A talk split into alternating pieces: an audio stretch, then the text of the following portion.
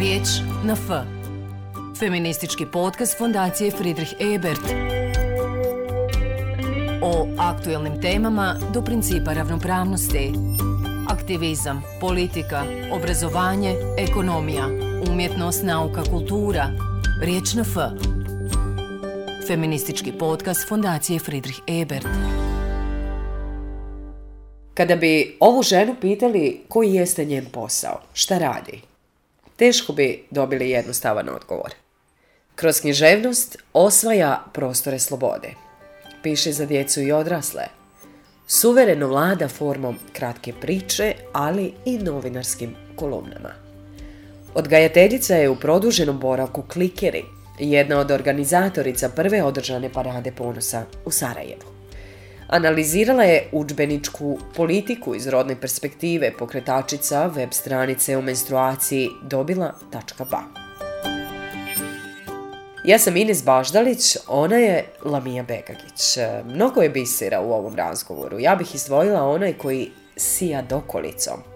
Lamija ga prepoznaje i kao da nas pita kada ste posljednji put razgovarali sa sobom. Riječ na F. Feministički podcast Fondacije Friedrich Ebert. Imam tu potrebu da kad krećem razgovor, iako novinarski možda to i nije opravdano, da najprije upitam sagovornika, u ovom slučaju sagovornicu, možda i banalno pitanje, ali da, kako si Lamija? Došla si upravo iz Novog Sada, podijeli s nama neku spoznaju za početak koji si prepoznala unutar sebe, samo izmještajući se iz poznatog prostora, mijenjajući te nove životne slike. Putovanja znaju u tom smislu biti vrlo plodna i blagotvorna. Odvedi nas kratko na put do Novog Sada.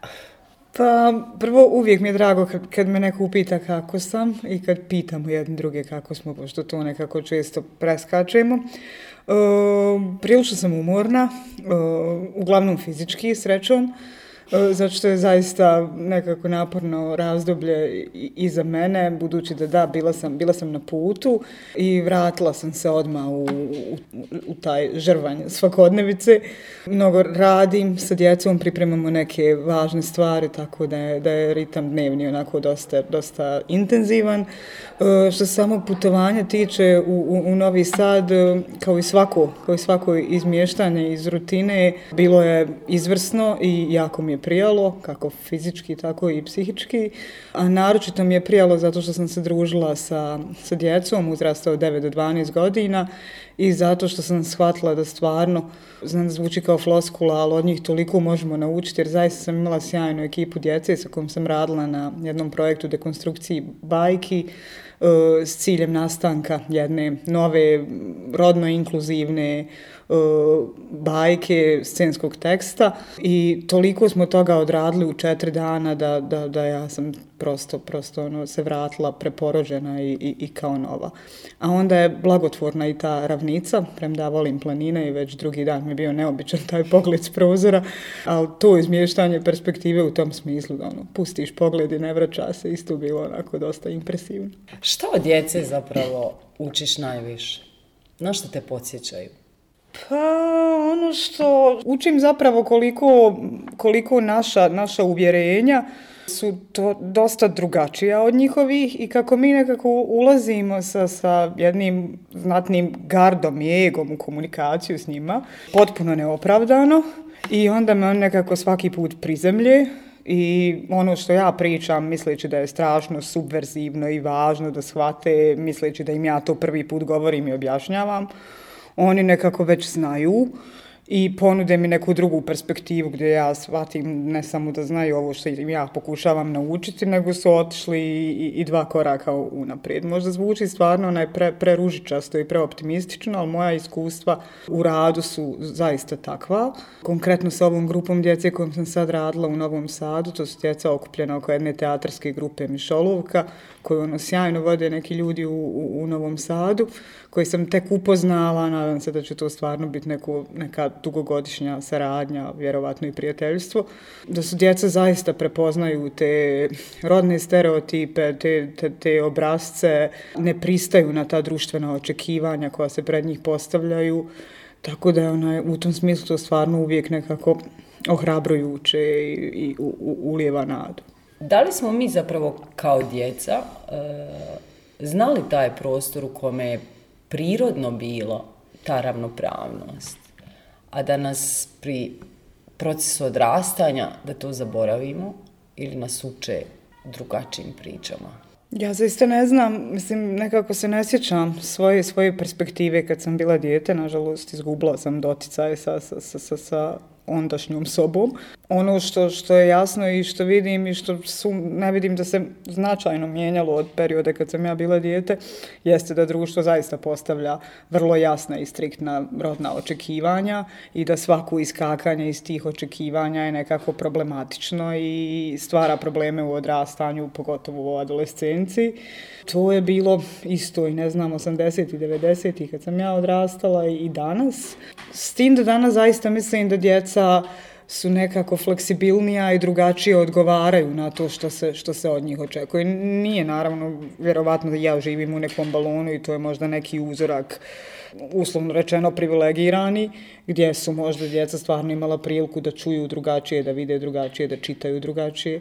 Ali mislim da je, da je, da je sve više takve djece i da oni onda ono, polaže velike nade u njih. Ovo sam nekako pitala a, iz te perspektive da čovjek jeste biće zaborava. Da.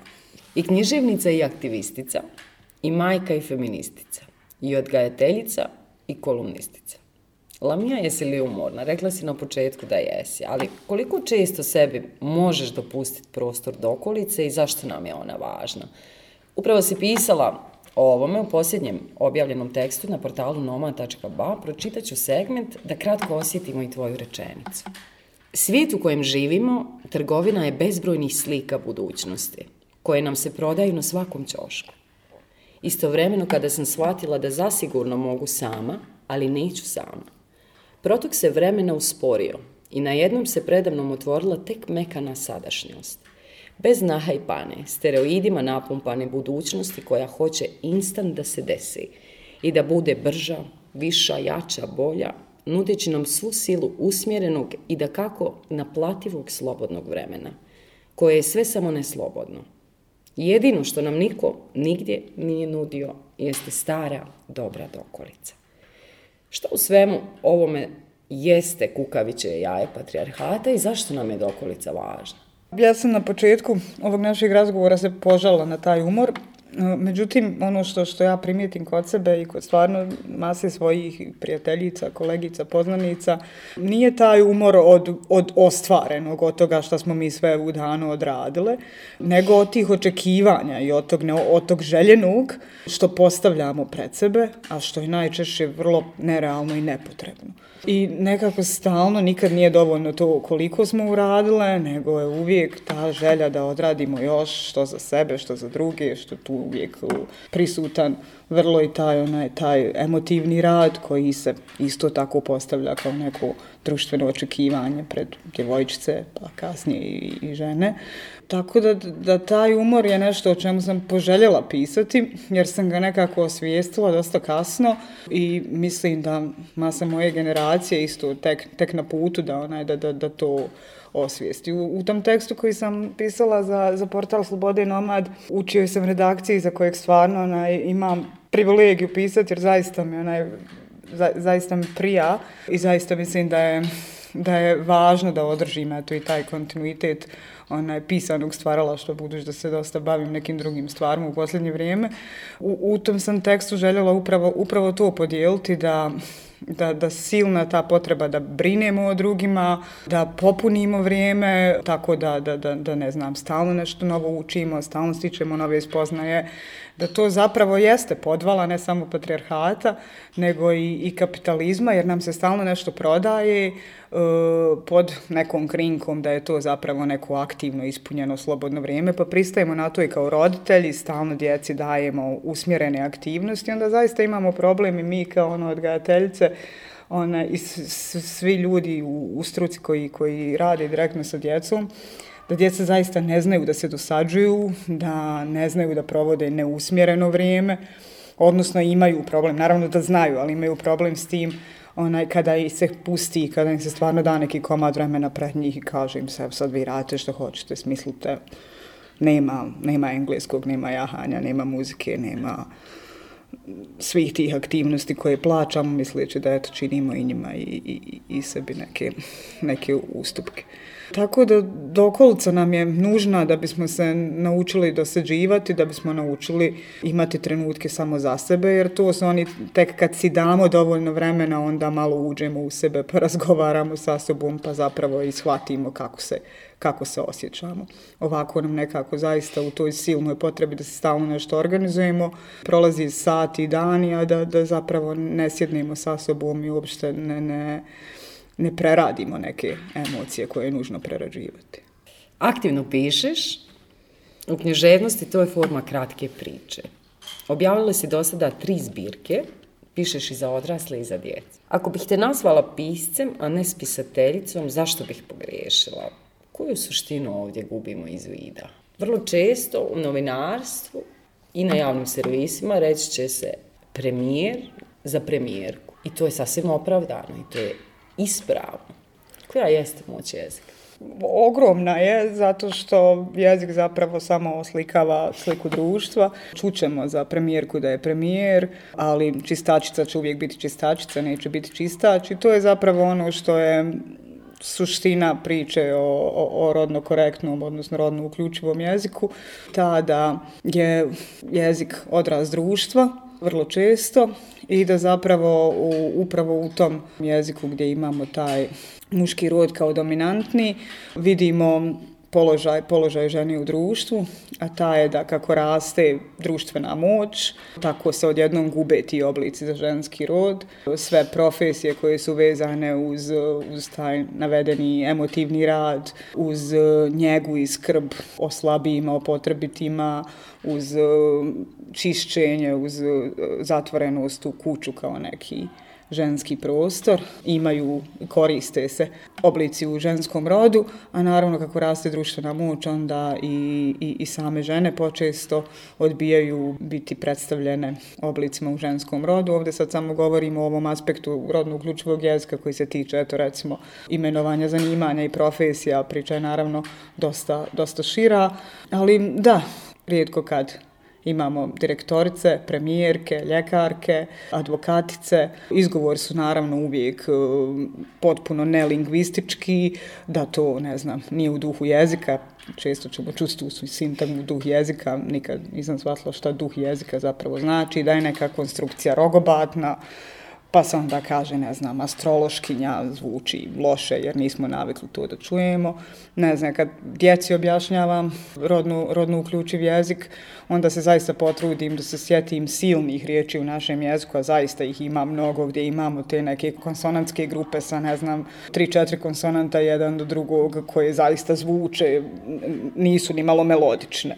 Naš jezik je pun nemelodičnih riječi, ali prosto nisu rogobatne zato što nešto znači, navikli smo da ih koristimo, isto tako kad naviknemo koristiti oblike za, za ženski rod, neće ni one biti rogopatne, tako da to nisu naravno nikakvi izgovori, nego je samo potreba da se da se patrijarhat ustoliči i dalje u jeziku i da on da ga nekako tiho održava jer jezik je važan zato što ga vrlo rano učimo i ako rano naučimo jezik takav kakav jeste dominantno muški onda je to uvod u, u, u ideologiju koja je isto tako dominantno muška.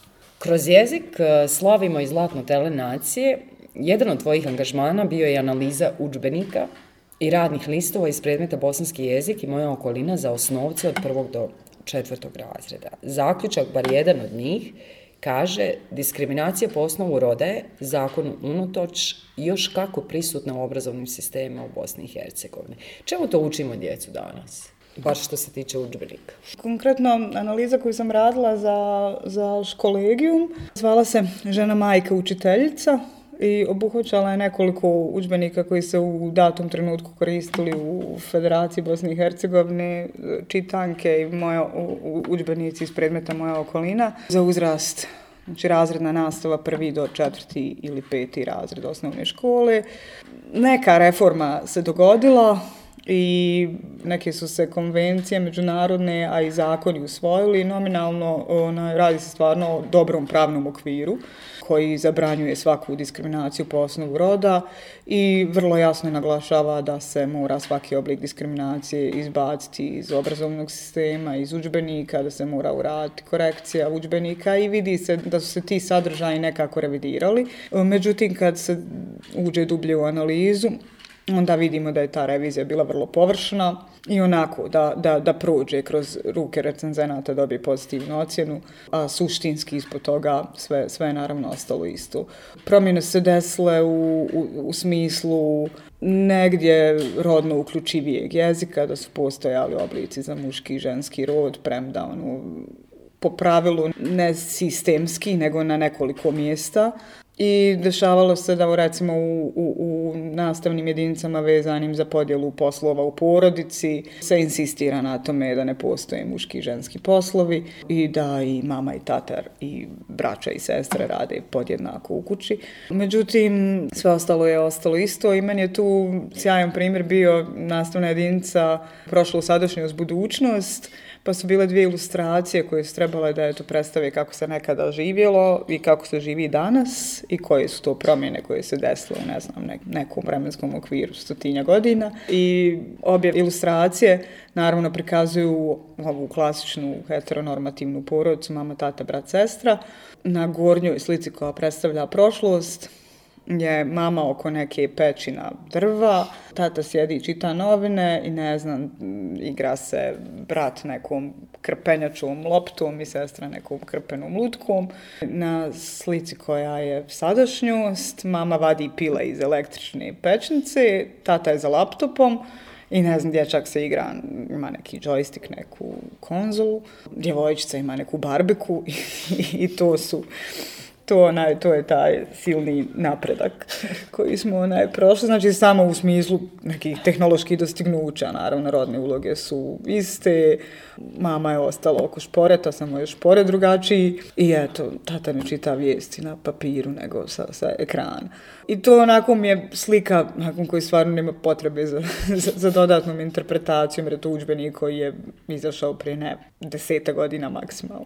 Tako da mislim da, ona, da ima tu još mnogo posla. S druge strane, mislim da isto tako u posljednjih deseta godina, ne samo na, ona, na, na ženskim studijama svugdje po regionu i na programima koji se ona u okviru univerziteta ili mimo nji u, u, u sektoru neformalnog obrazovanja, da se, da se mnogo istraživačica bavi analizom učbenika sa, onaj, sa rodne strane i rodnom analizom lektira i da mislim stvarno no, postoje sjajne kolekcije u Srbiji, kod nas, u Bosni i Hercegovini, u Hrvatskoj, koji zaista, onaj, zaista se time bave posvećeno i predano i mislim da je to jako važno i da su to i autori učbenika i pa i ljudi na akademijama koji kroje kurikulum prepoznali kao važnu temu kojom se ona kojom se akademska zajednica počela u posljednje vrijeme dosta aktivno baviti tako da mislim da bi to moglo uroditi plodom da da se ti sadržaji mijenjaju sistematičnije, kako dubinski. Hoćemo obrnuti pitanje, čemu naučimo djecu danas u obrazovnom sistemu? Pa ne, ne učimo ih e, jednakosti, ne učimo ih empatiji, ne učimo ih nekim životnim vještinama koje su jako važne. Mislim da ih učimo uh, kompetitivnosti, mislim da ih učimo pogrešnim stvarima u, u smislu uh,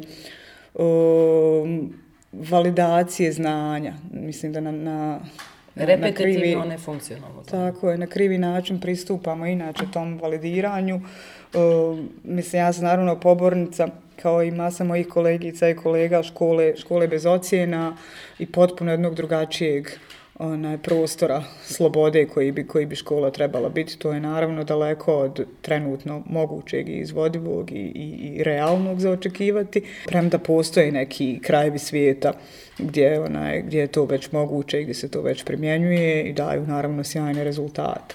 Tako da mislim da, da, ih, da ih ne učimo verbalnim vještinama, ne učimo im kritičnom razmišljanju, ne učimo ih argumentaciji, a naročito ih ne učimo ona, iskazivanju emocija i, i, i o- ovoj, ovo, ovome što smo pričali govoreći od okolici, ovim dijalozima sa sobom koji moraju raditi zarad njihovog mentalnog zdravlja. Ne učimo ih ni šta je mentalno zdravlje uopšte. E, Sa stvarnošću pandemije dolazi nam prostor online ekrana i online nastave. Nekako se čini da tu najviše gubi odgoj i ta odgojna komponenta. Kuda idemo dalje s tim? Nastavimo li tim put? Zašto je odgoj uopće bitan? Pa nisam sigurna koliko je, koliko je škola mjesto koje je odgaja, bez obzira da li je nastava online ili je fizički u istom prostoru.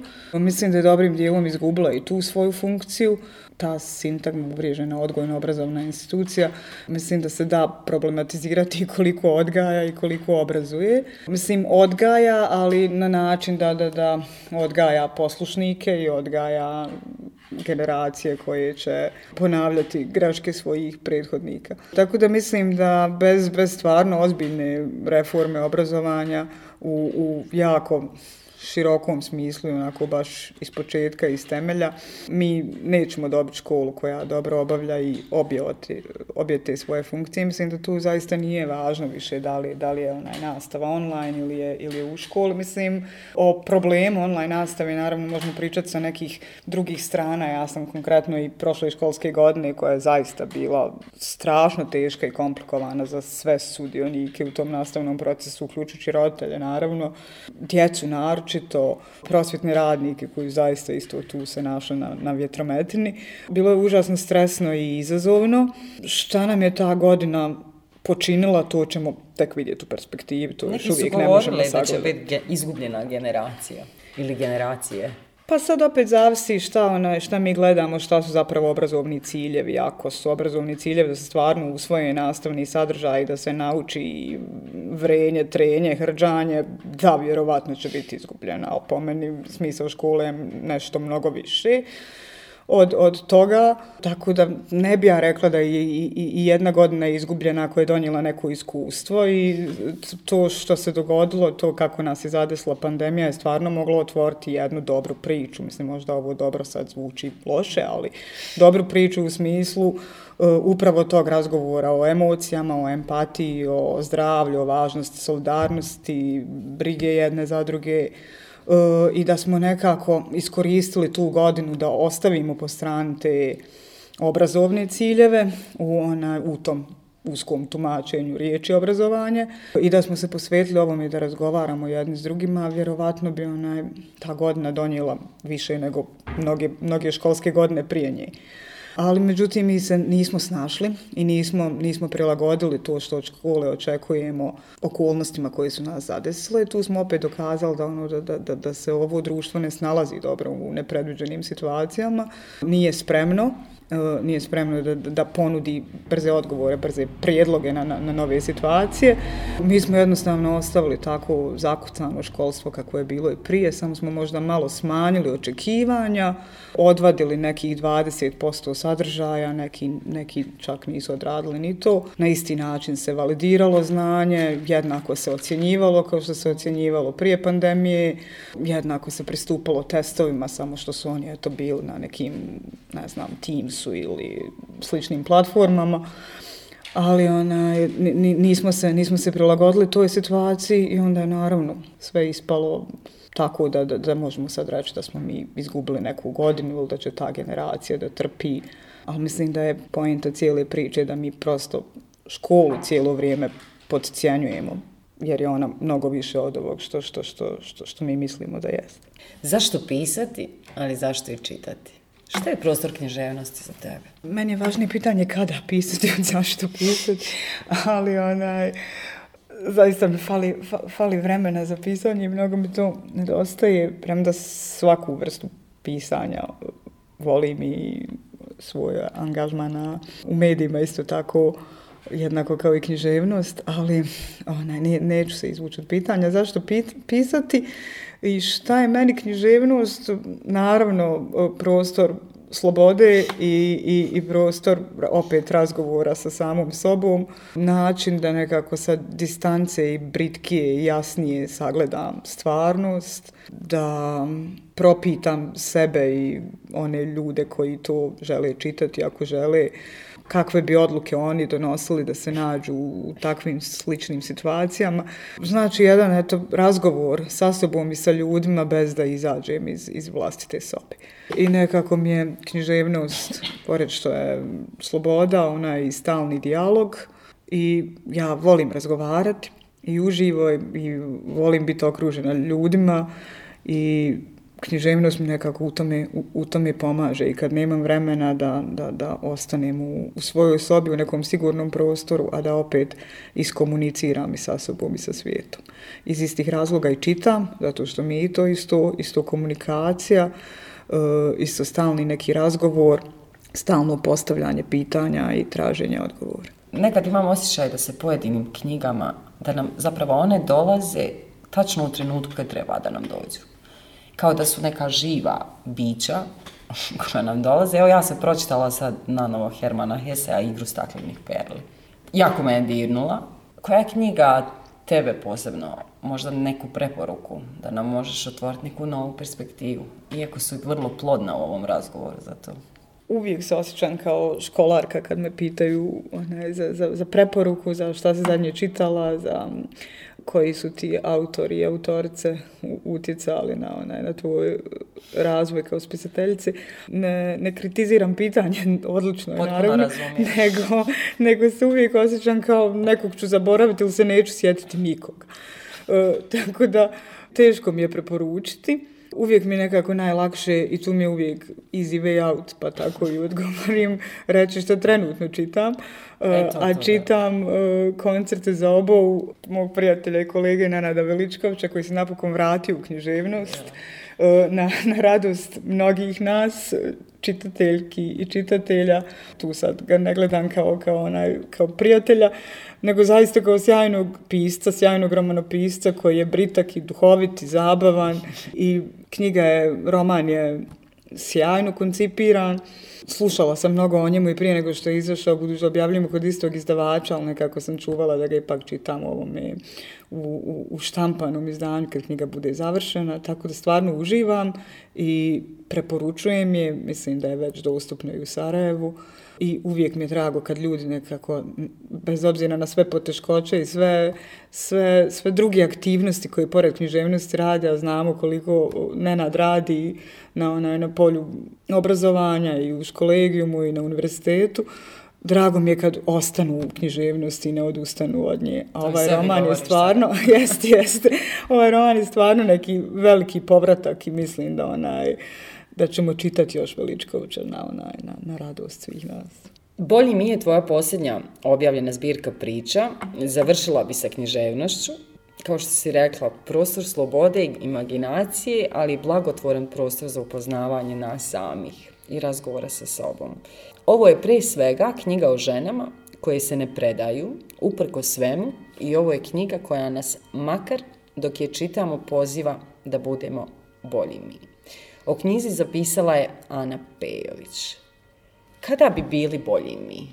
Ko smo bolji mi? Pa bolji mi smo svi oni koji na kraju dana uradimo nešto, nešto za sebe sami. Šta god to bilo.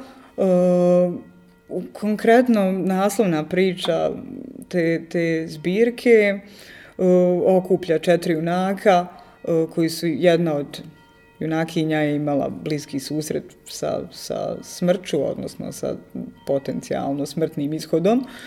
Koji je to ne, se ipak dobro završio na poslu, nije to neka ni pretjerano bliska osoba, ali dovoljno naravno da nas, da nas uznemiri i nekako dozove, malo trzne iz te, te svakodnevne mašine. I ona se nalazi sa svojom prijateljicom i prijateljima, da razgovaraju o tome, da se malo smiri, sabere i naravno kreću oni dijalozi koji smo svi vodili, kako ćemo promijeniti život iz temelja, kako ćemo više ovo, manje ono, družiti se s ovima, od sutra ćemo ovo, nalaz, nećemo propuštati, sve, sve ćemo da budemo bolji i na kraju naravno duđe sljedeća sedmica, svi imaju neke nove planove i obično nastavimo nastavimo istim tempom, rijetko kad se do, do nove tako krizne situacije sjetimo te, da, tog obećanja sebi da ćemo, da ćemo biti bolji.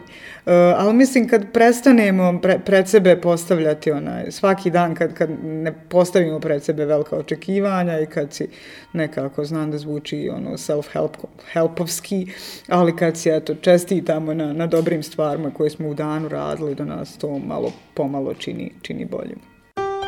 Riječ na F. Feministički podcast fondacije Friedrich Ebert. Uz ironiju poigravamo se stereotipima s kojima se patrijarhat obračunava sa feminizmom, želeći da mu oduzme političku relevantnost. Riječ na F. Feministički podcast fondacije Friedrich Ebert.